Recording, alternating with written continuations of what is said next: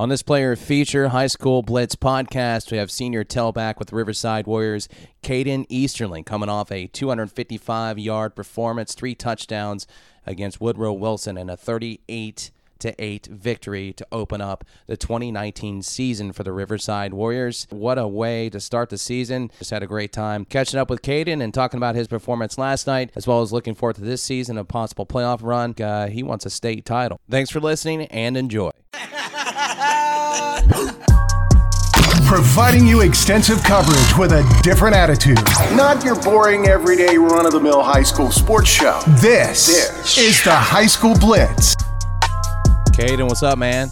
What's up? I'm doing good, my friend. I'm sure you're feeling good. Oh yeah, feeling good. That's a win. Nothing better than that. So last night, uh, 38-8 victory over Woodrow Wilson. Um, Ryan and I on the show tend to think that you guys are a playoff team this year. What a way to go on the road and start the season, man. Yeah, man, it was a re- really good win for us last night, and we really worked hard for that all week. Good practice, and it shows. Talk about your performance last night. Three touchdowns, 255 yards. You had 24 carries. Uh, you were splitting some time there with your teammate Pearson. But you guys, man, you guys put on a heck of a show. Kind of talk about your performance and, and just getting back uh, kind of, you know, in the swing of things in game one. Oh yeah, man, it always starts with the line. The line really produced last night. They were giving us a push for the running backs, and we was just doing our job as well because it always starts with them. Austin Chapman, speaking of that, he was a guy that we did a player feature with uh, last week, and he talked about how uh, how good you were, but obviously how good of a guy and leader you are. Kind of talk about your role as a leader with this team, especially this being your last year. Man, it's my role. I just want us to buy in and get a lot more wins than last year, and looking forward to being a playoff team this year. Because I mean, we haven't been to the playoffs since like 12 years or something like that. So just want to make a statement this year. What were some things that you sort of uh, maybe tightened up or wanted to get better at going into your final year with the Warriors? I tightened up my um tracks with the quarterback. Me and Javante LZ got together and made sure our tracks were right because that was an issue last year, and just wanted to get better on that and working on speed and strength. We've been in the weight room for quite a while now, and it's starting to show. Coach Daughtry, he's uh, he's been on the show. Great guy, Riverside guy through and through. Um, go into playing for him and, and what he's meant so far in his uh, second year. Oh yeah, I love Coach Dot, man. Um, everybody's believing in him now, and everybody's starting to trust. I've always trusted Dot, and we're looking forward um, to make history together. So that's why we're all buying in. Of course, the it gets tougher after Woodrow Wilson. Um, you go on the road to Huntington.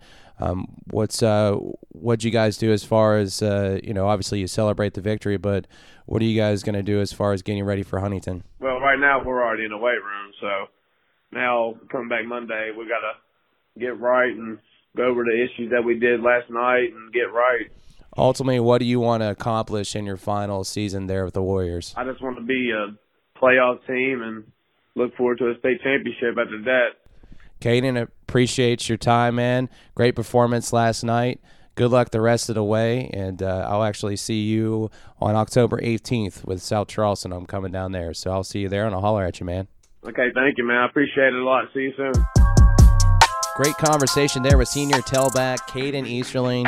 Good luck with him and the Warriors the rest of the way. Of course, next they have the Huntington Highlanders, who enjoyed an open at the very first week. So Huntington will be fresh. Riverside Warriors got to be ready, but looks like they are getting ready because they're in the weight room as they, as we speak. As Caden was uh, having a conversation with me. All right, uh, I want to give my sponsors a shout out 304 Teas, Oscars, Breakfast Burgers and Brews, Wally's and Wimpy's Digest, and our newest sponsor, USA Martial Arts Training Centers. Be sure to uh, give them those folks a follow. And uh, yeah, next uh, episode we'll do breakdowns of week one as well as look forward to week two, give our predictions and uh, well, I'm sure we'll have some guests along the way.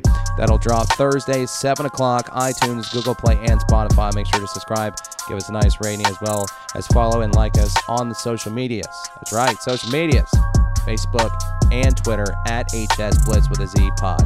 All right, that does it for this player feature high school blitz podcast. Thanks for listening.